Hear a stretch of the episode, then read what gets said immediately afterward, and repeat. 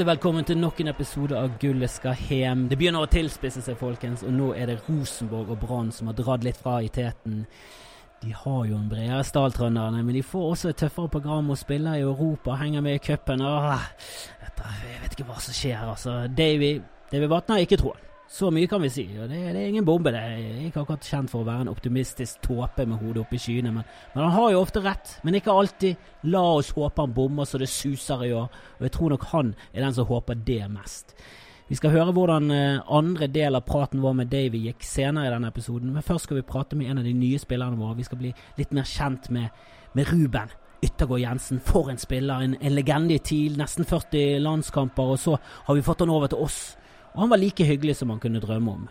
Ruben er tilbake i Norge etter noen år i Nederland og Tyskland. Han han er, sønn av Truls Jensen, en av de virkelig store i Tromsø gjennom tidene. Og Vi snakker om hvordan det var å vokse opp med en fotballspillende far, hvordan det er å komme til Brann, og hvordan det var å spille semifinale borte mot selveste Bayern München foran like mange som det bor i hele Tromsø. Jeg sitter her med en av de nye Brann-spillerne, Ruben Yttergård Jensen.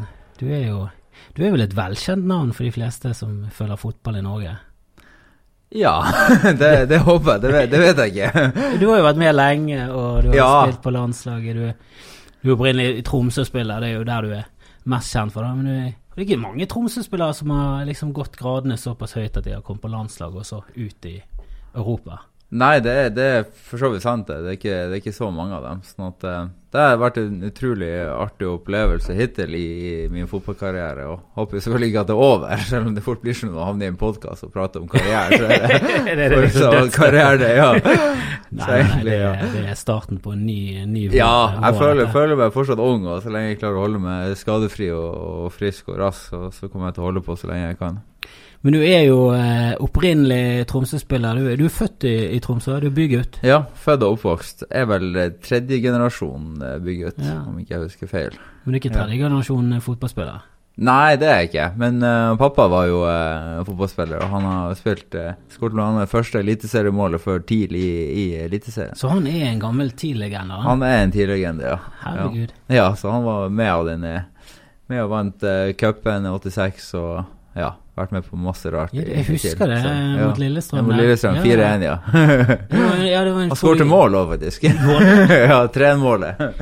ja, hvordan er det da, å vokse opp med en far som er sånn heltedyrket i sin egen by, og en ja. av liksom de tøffeste gutta i, ja, Tromsø er kanskje litt annet enn Bergen, sånn sett. Det er ikke den samme heltedyrkelsen som man kanskje har i Bergen. Ikke det? Nei, sånn, men det er, det er selvfølgelig vært uh, man får oppleve veldig mye, og både oppturer og nedturer. Pappa var jo etterpå han har vært uh, assistenttrener i tidlig og var med å vinne cupen 96. Jeg fikk være med på, på Ullevål da. Um, og uh, var etterpå hovedtrener i Sogndal og vært i Tromsdalen i, i, masse år. Og det har vært mange oppturer, men vel så mange nedturer. Så du har virkelig fått føle på kroppen alvoret. men sånn er det vel i fotballen. Det er jo altså, det er mye oppturer, og så er det det er vel vel så mange nedturer. Altså, ja. Det er vel kun Rosenborg som uh, kunne ja. ha hatt pluss på det der uh, ja, det, det regnskapet der med oppturer og nedturer. Ja, det er jo en berg-og-dal-bane. Ja. Og så ofte er det sånn at nedturene føles mye sterkere enn oppturene. Men så vinner du én kamp, og så er alt glemt, og så tenker du på dæven, det er artig der. Men du var for ung til uh, cupfinalen i 86? Da var jeg vel enda i pungen. Ikke? så du var der ruget når din far skåret? Liksom skapt for dette? ja. Det er jo fantastisk. Han har jo også vært eh, assistent eh, i Brann, eh, din far. Ja, det stemmer. Ja. Eh, hadde du noen relasjon til Brann da? Var du nede og, og, satt på benken her sammen med din far?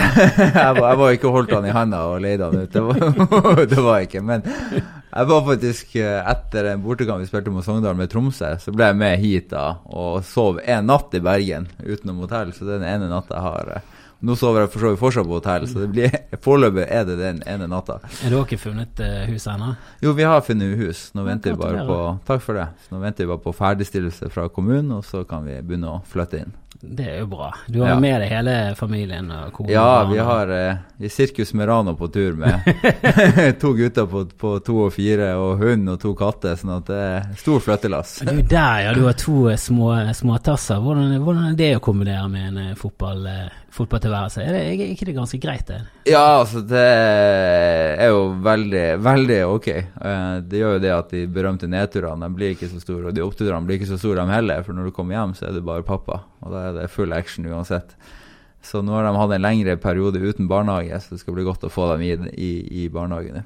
Ja, du har vært litt hjemme med dem nå mellom treningene og Ja, for da har det jo gjerne blitt sånn at eh, du kommer hjem fra trening og er sliten, men da har kona vært hjemme med ungene hele dagen, og så må du hjem, og, og da begynner eh, Ja, da skal hun få pause. Ja, det, der, det der kjenner jeg til, og det føles litt urettferdig. Nå har du vært på jobb og slitt, og så kommer du hjem og så sånn Nå, nå er det din ja, vær så god. Og det må jo innrømmes at det er jo eh, vel så hardt, og kanskje enda hardere, å ta vare på, på en liten toåring som må, som må være på jobb. Ja, i hvert fall når du har to. Det har jeg hørt at én er liksom det går greit, det er slitsomt, men Ja. to er liksom det ganger ti. Da blir det Ja, jeg hadde jo også hørt det før. Vi fikk jo mange advarsler før vi fikk neste. Ikke gjør det! Ikke gjør det! For Men jeg, for meg, jeg tenkte nå alltid at én pluss én var to, men det er plutselig ti, og det er et virkelig regnestykke som ikke går opp. Jeg har hørt at uh, plusser du på en tredjemann, så blir det 100. Det, det er det ryktene sier. Så. Ja, så du være. Ja, Kommer du fra en stor familie, eller kommer du fra Ja, vi, var, vi var tre gutter. Jeg var tre gutter. så jeg to brødre som også har spilt fotball. Han ene spiller fortsatt i, i Nordsjøland. Og mellomstebroren min han var, var med å vinne junior-NM eh, for tidlig, for han ble plaga med skader og måtte stoppe. Så da har det liksom vært fotball i familien hele tida. Så det er litt sånn Berg-familie over dette. Yttergård Jensen-slekten som eh, har fotball i genene.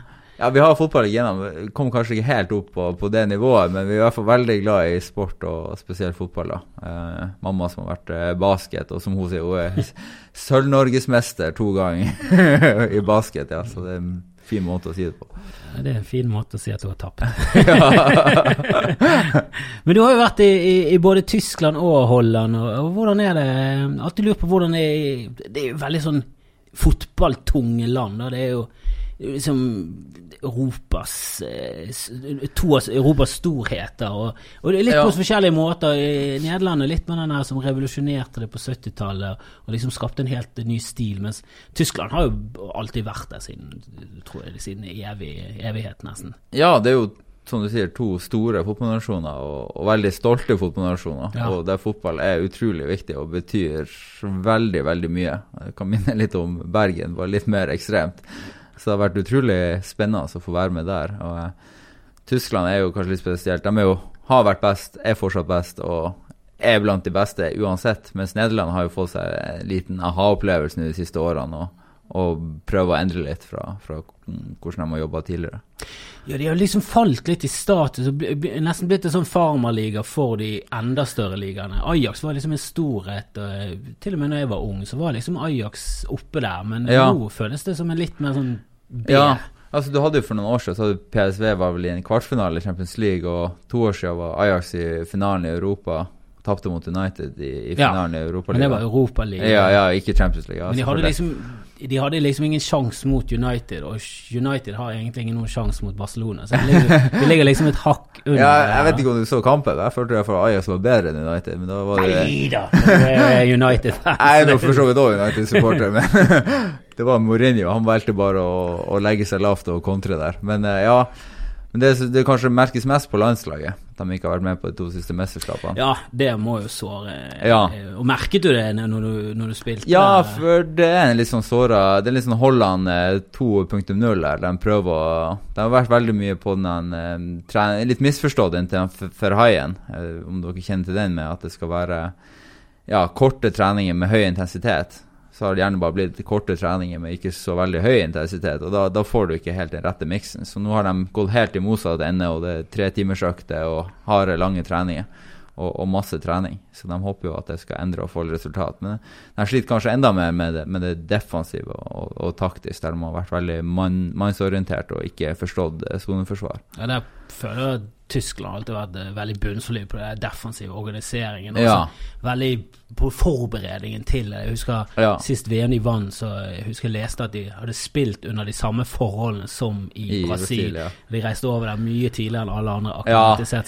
Og det var liksom de, Til og med luftfuktigheten skulle være lik i sånn treningshall. Det var liksom ned, det var veldig sånn helt sånn vitenskapelig tilnærming. Ja. Var, var det litt sånn i Tyskland? Ja, altså, jeg kjenner meg jo veldig igjen i det at det, det er veldig lite ansvar på spillerne. Det er ingen frihet under ansvar. altså det, Til og med skoene blir tatt med til kamper. Du, du skal ikke ta med noe sjøl, for at de har vel opplevd at spillere har glemt sko. De stoler ikke lenger ja, altså det er liksom null toleranse. Du er- bor på hotell før hjemmekamper, og du drar dagen før til bortekamp uansett om det er bare én times kjøring.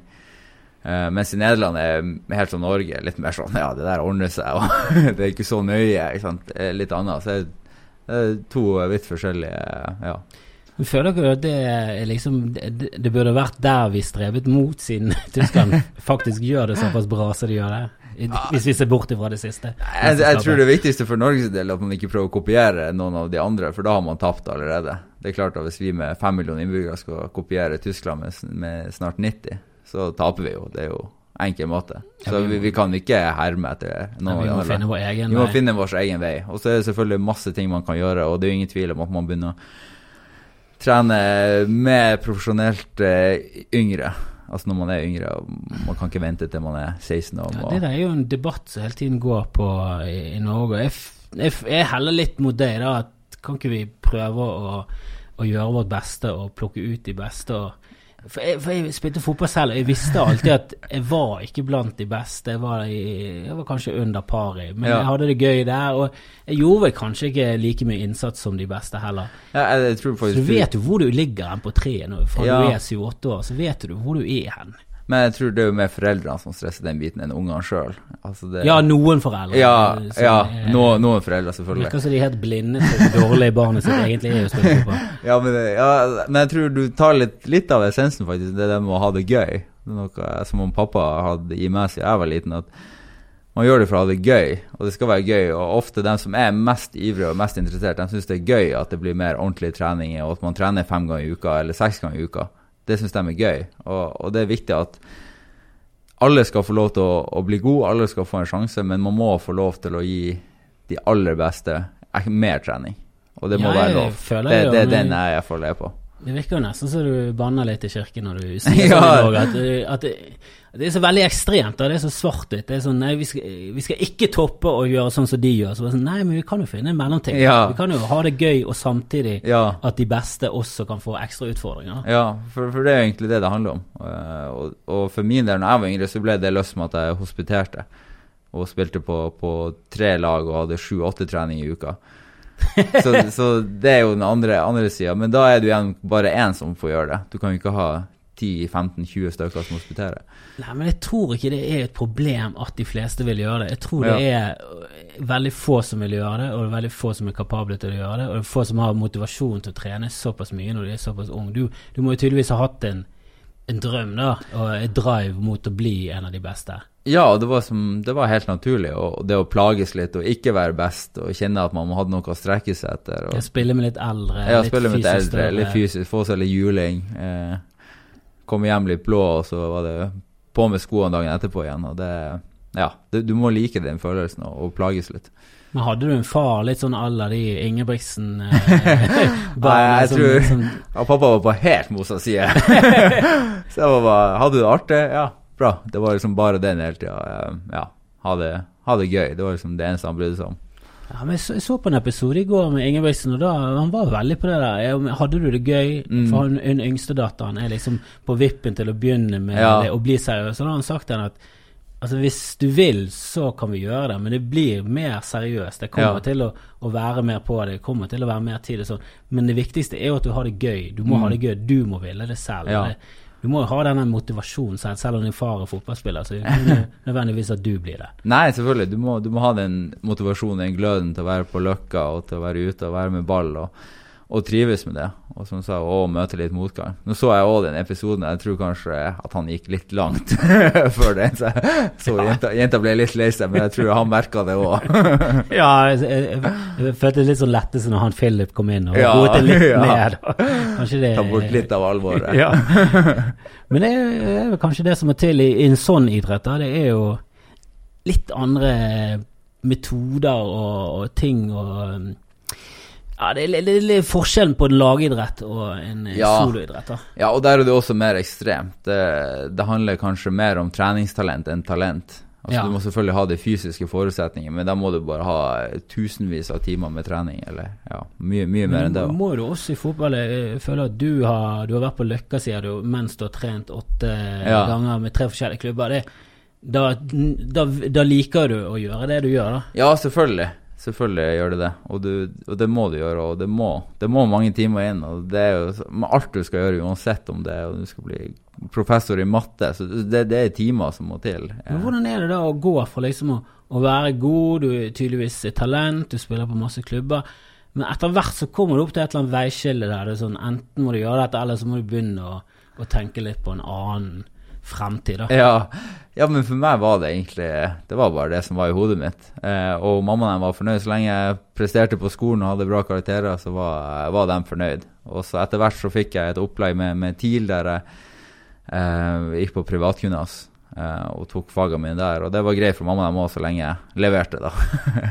på, på, skolen, ikke på, ikke på banen. Så de måtte liksom ha videregående, men etter det da har du noe har du fortsatt med noe utdannelse? Eller? Ja, jeg har begynt på, begynt på studiet og har en del studiepoeng. Men det lot seg veldig vanskelig å gjøre med eksamen. På én eksamen så måtte jeg stå over tre ganger. Så når, da du leste opp den eksamen i, i, et halvt år, og så gikk det halvannet år før du fikk ta den. så det ble litt slitsomt i, i lengden. Du er nordlending, og jeg synes det virker, virker som du har de der positive egenskapene som jeg alltid tenker på nordlendinger med ja, Ikke bare humor, men at du har litt sånn tykk hud, og så at du er veldig ærlig, samtidig veldig sånn bena planta på jorden. Du sa det at din, din far var liksom ikke sett som en, som en helt i Tromsø. At du får liksom ikke sånn heltestatus som du kanskje gjør i Bergen. Nei, du må, må jobbe på.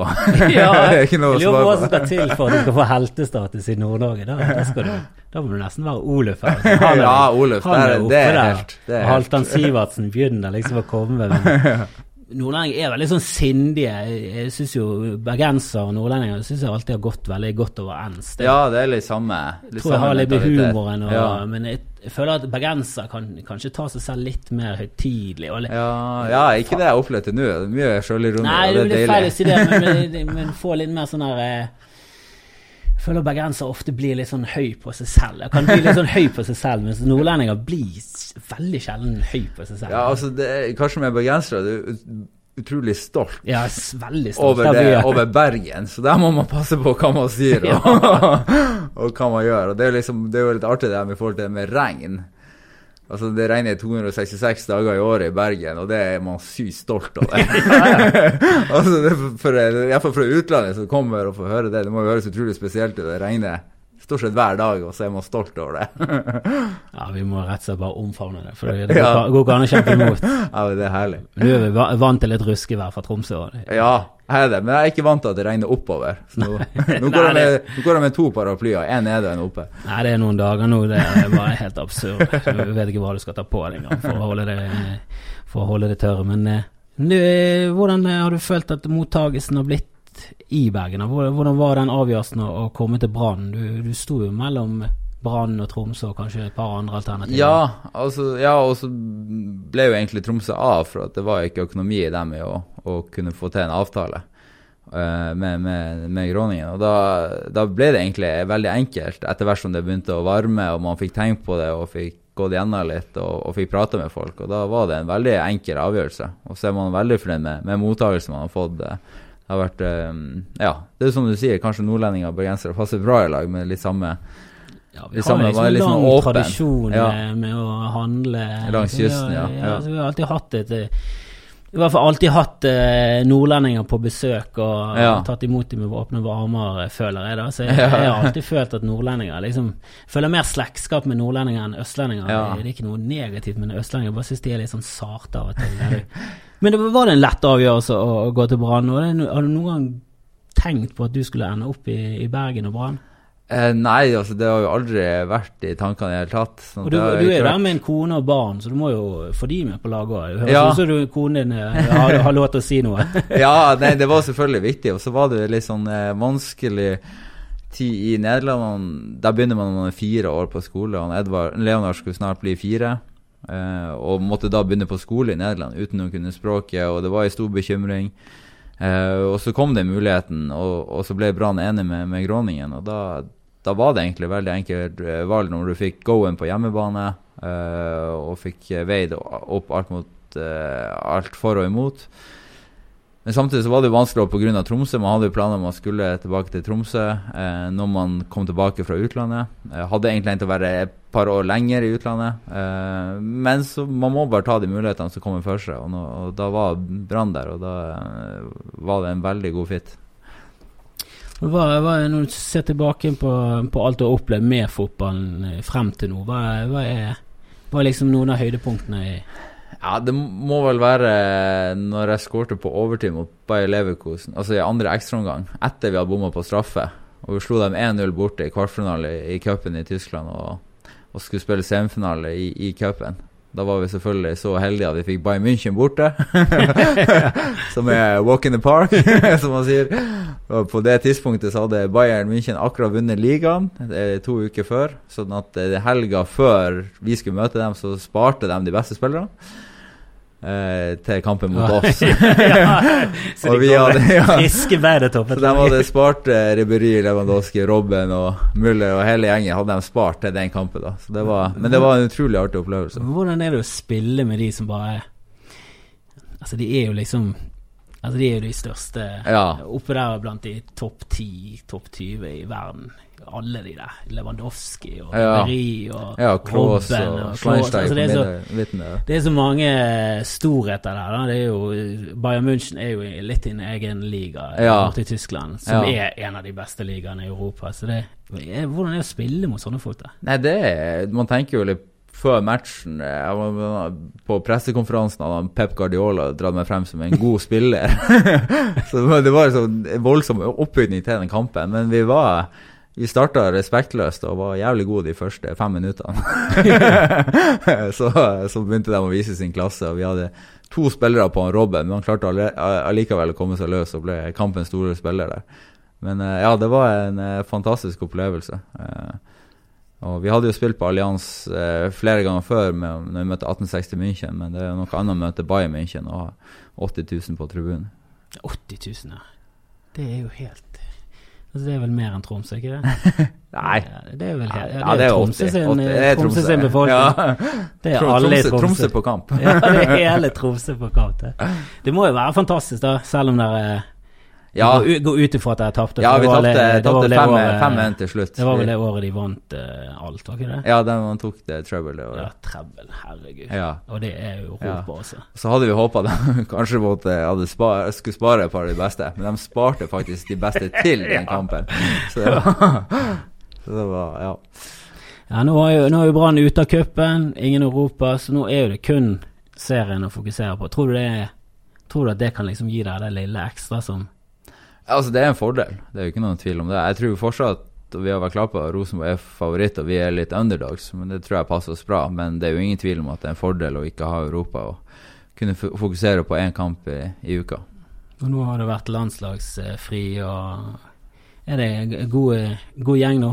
Ja, vi, vi, er fit for fight, så det er vel nesten alle. Vi mangler jo et par spillere som vært på landslagspause, men vi har fått uh, gode treninger. Vi har fått, uh, hadde noen uh, dager fri og få hente oss inn og vært sammen med familie. Og ja, nå er vi fit for fight, og ja, du merker at uh, vi er klare.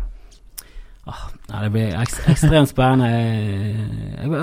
Kan du nystemten eh, nå? Ja, jeg synger med så godt jeg kan. det har ikke noe sånn sang eh, i Tromsø, for det, veldig, det, har vært, det, har vært, en stor debatt i Norge om, om ja. bergenser som Ja, vi har jo, vi har jo Jørn Hoel har jo en veldig fin sang som heter Tromsø. Og den, eh, den, synger man jo før den hymnen kommer. Men, okay. Eh, men, kanskje på sikt så kommer den inn eh, før, for det er en veldig, veldig fin sang. Ja, det var veldig hyggelig å, å, ta en prat med deg. Jeg er utrolig glad for at du er i både i byen og, og Takk for det. laget i mitt hjerte. Jeg håper Åh, håper inderlig at dette går. Jeg er redd, jeg merker det pessimistisk. Ikke ja. så pessimistisk som David Vatne. Han har jo selvfølgelig avskrevet Brann sine muligheter. Men, ja, men vi kjenner jo Davy. Han er livredd for å Han er den mest redde Han vil ikke ha håp. han vil ikke ha håp. Han vil ja. kun, ha, kun ha sikre poeng. Men det, det, er ingen sikre poeng i fotball. Nei, så det blir artig. Derby nå eh, på lørdag. Det gleder vi oss til. Ja. Lykke til. Og takk tusen takk for at du kom hit. Takk. Ah, han har troen. Jeg merker jeg fikk mer troen etter å ha pratet med han. Tenk hvis, tenk hvis gullet kommer hjem. Det, det, er jo det som er drømmen. Og det kan skje i år. Eh, lokaloppgjøret han snakket om, er jo, er jo lørdagskampen mot Haugesund klokken seks. En av de tøffeste kampene man kan tenke seg i Eliteserien. Merker, merker jeg blir helt svett i hendene av, av, bare tanken på den kampen. Og etter den så kommer hjemmekampen mot uh, Sandefjord 23.9. Det er en søndagskamp klokken seks. Der er det billetter igjen, og det hadde vært deilig om vi kunne fylt stadion til randen med gale supportere, og forhåpentligvis ta teten i gullstriden etter den. Uh, vi må jo få tre poeng der. Tenk hvis vi tar noen poeng nede i Haugesund. Det, det, det blir så spennende dette, folkens. Kom dere på stadion. Det blir en thriller. Og så har vi Dave, da. Sjelden du møter en eh, fyr som brenner sånn for fotballen. Vi pratet i langt over en time, for kjeftamentet hans går jo når det først er på glid. Eh, og han er jo helt herlig, det må vi bare si. Nå skal vi få med oss andre del av praten vår med han. Du går på stadion fortsatt? Og Selvfølgelig går jeg på stadion så ofte jeg kan, og jeg prøver å få med meg bortekampen. Jeg har bestilt hotellrom i Haugesund. Så eh, nei, altså, jeg, jeg syns uh, fotball Og kanskje mer i, i, på Flekkerøy, og, og er veldig sjarmert av det Ranheim driver med. Fordi at det er nærmere det jeg er opptatt med. Husk Brann på, på 70-tallet. Var lokale gutter, pluss Neil McLeod, som de snublet over oppe i Narvik. Og Kjell Øyasæter kom og studerte odontologi her. Altså, det var liksom, Da var det om å gjøre. og Skauen trente de beste siddisene til seriegull fem-seks ganger.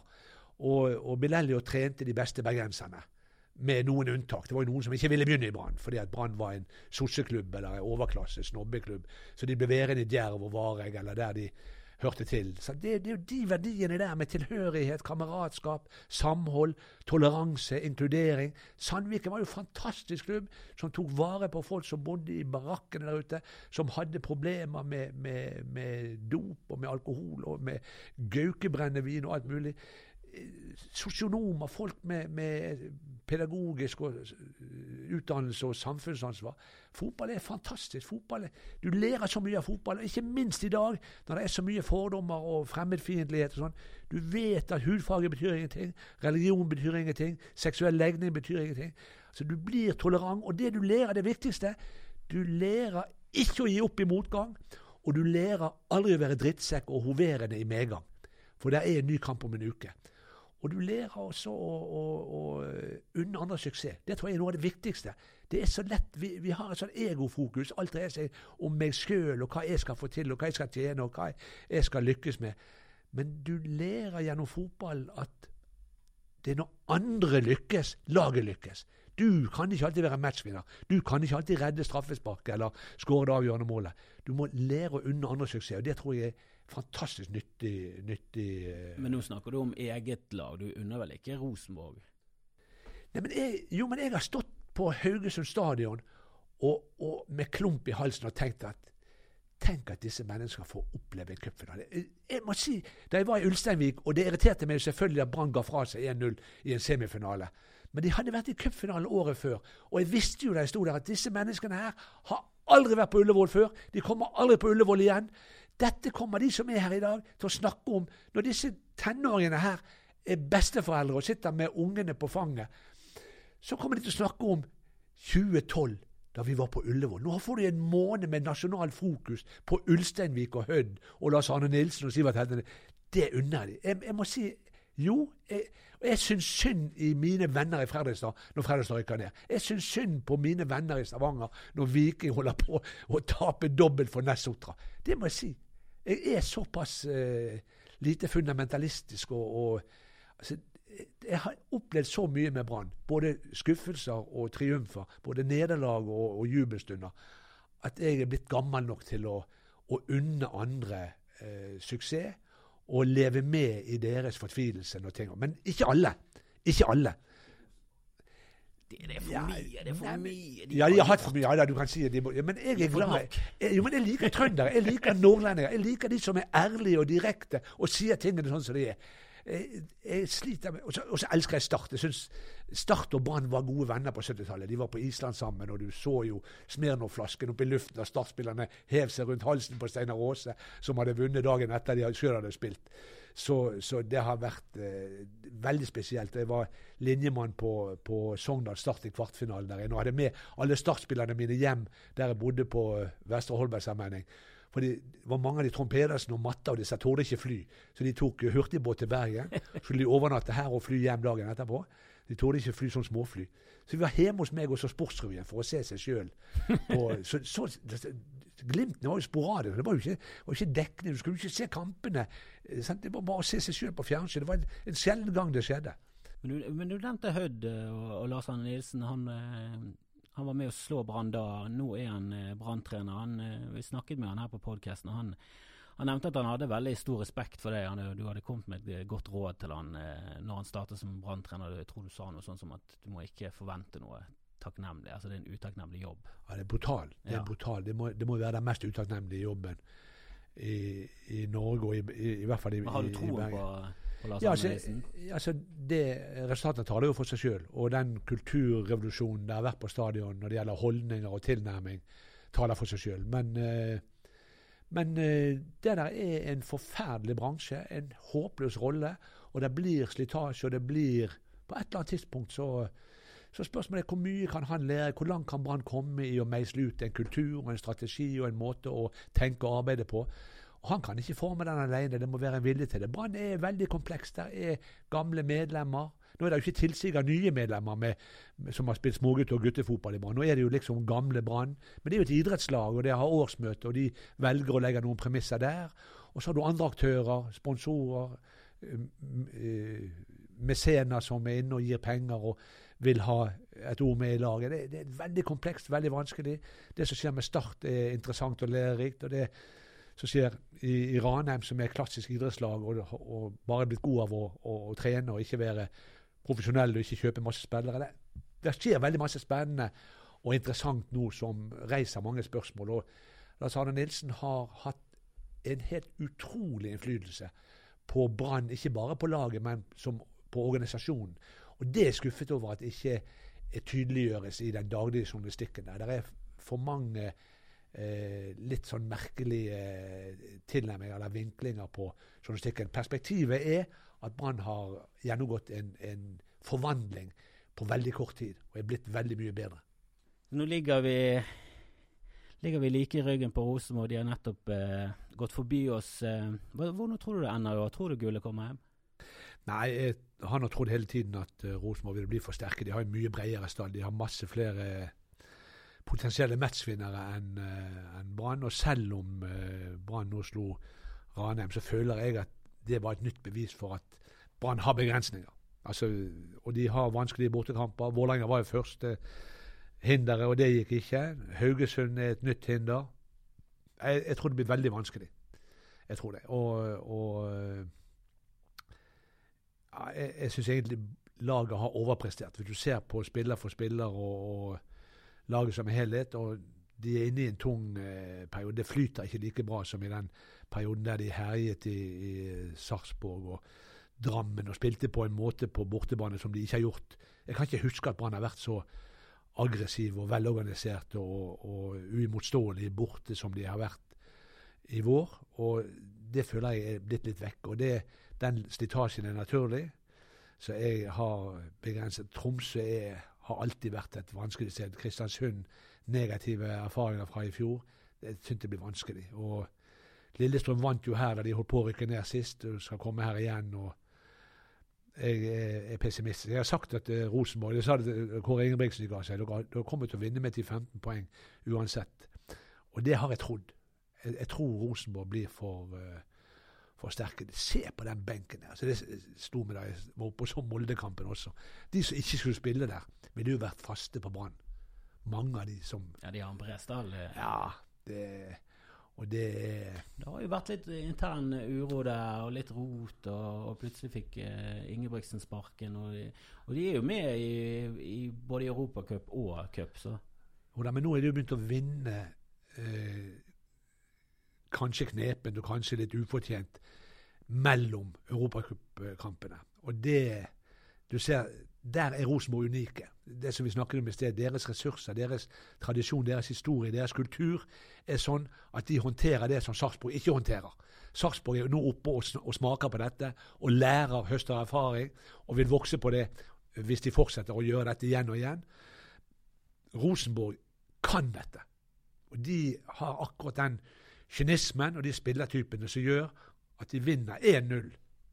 De, de, tar med seg tre poeng fra, fra Kristiansund mellom europaslagene. Det tror jeg blir utslagsgivende. Hvordan tror du det går med, med norsk fotball generelt? Nå var det en spesiell periode på 90-tallet. Du som dekket eh, Mexico-VM og, og, Spania. Hadde du noen gang tro på at Norge skulle være med i dette selskapet? Aldri. Aldri. Og det, altså, eh, den største tabben jeg gjorde i TV 2, var vel å den tilnærmingen til kampen mot Polen i Poznan. fordi at den var så annerledes. Jeg tenkte dette skjer én gang i livet. Norge kommer aldri til å komme til VM igjen. Så, så, men det, de kom jo til VM igjen fire år etterpå, og de kom til EM i, i 2000.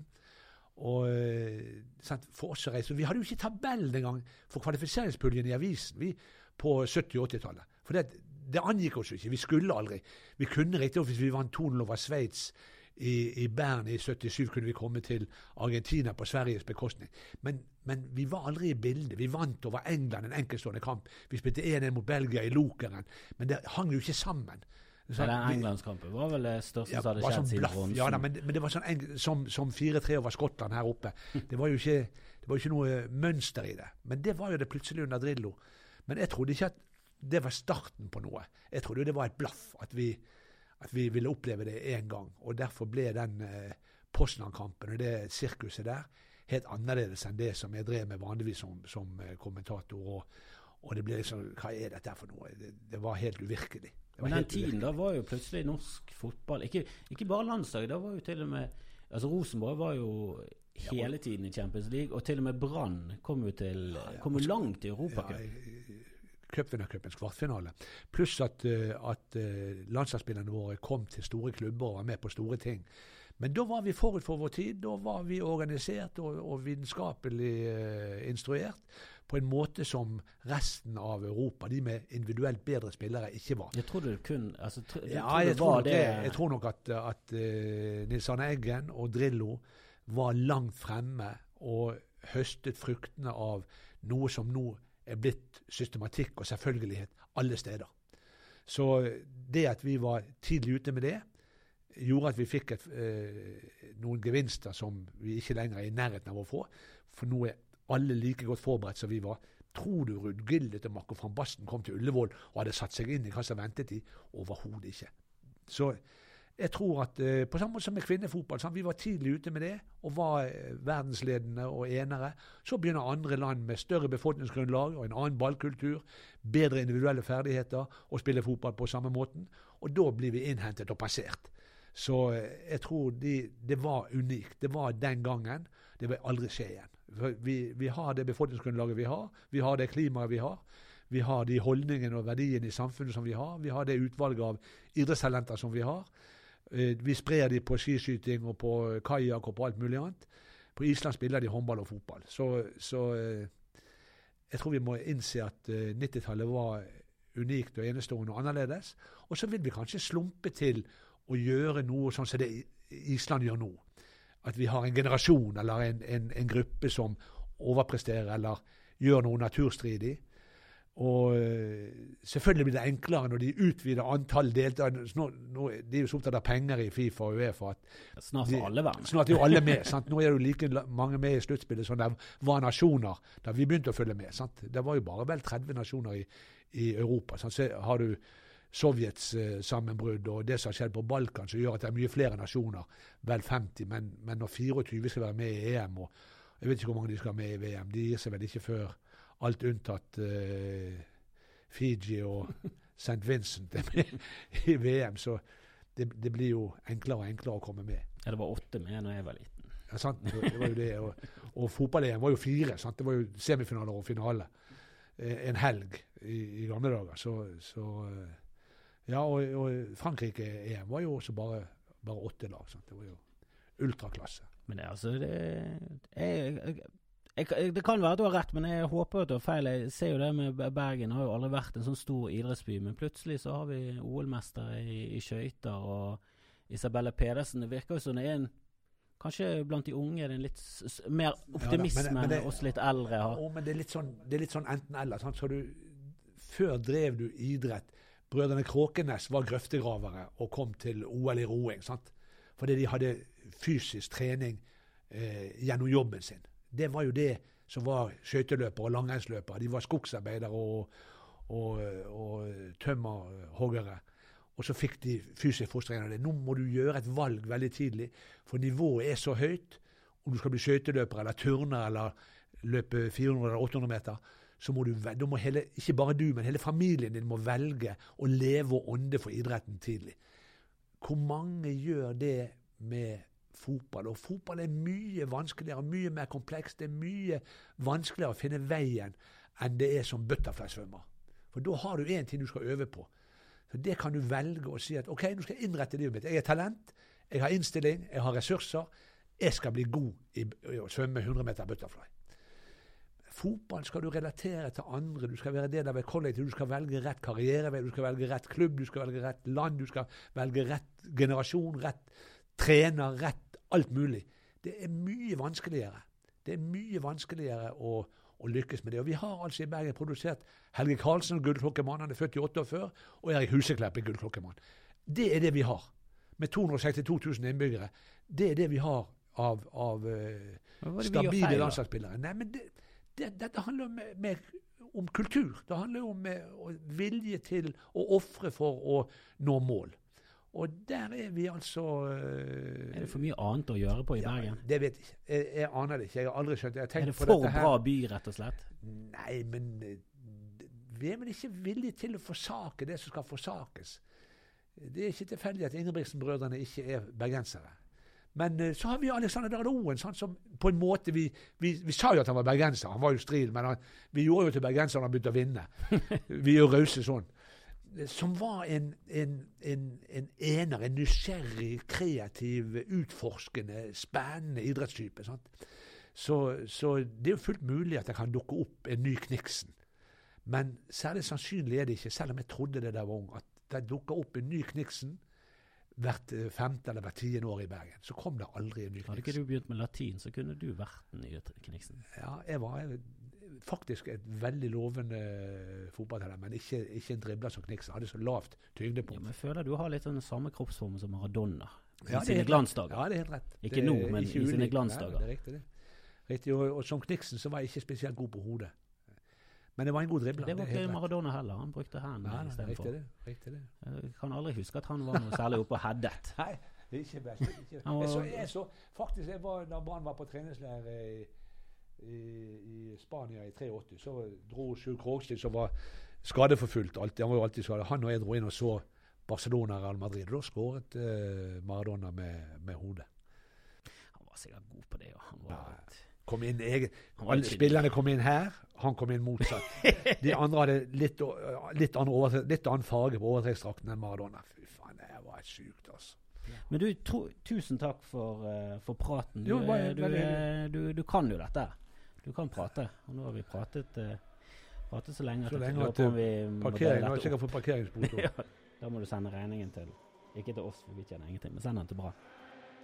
David Vatne, David Vatne. Herregud, han er, han er jo som et leksikon. Han ramser opp årstall og statistikker og målskårere. Han husker jo, husker jo mer enn Google. Ja, det var, det var, en gøy prat. Nå er episoden over. Neste kamp er altså mot Haugesund. Og så kommer hjemmekamp mot Sandefjord. Det er to fantastisk spennende kamper. Alle kampene som er igjen nå, er jo, er jo bare rett og slett eh, thrillere. Det blir den ene grøsseren etter den andre. Er, vi er i gull, gullstriden, folkens. og det kan være at gullet kommer hjem. Vi er der oppe og kjemper der vi skal være. Det er deilig å følge Brann. Jeg elsker det. Jeg elsker dere. Spre denne podkasten til alle dere kjenner. Alle som liker Brann, bør høre på oss. Og i mellomtiden så kan du gi meg en B.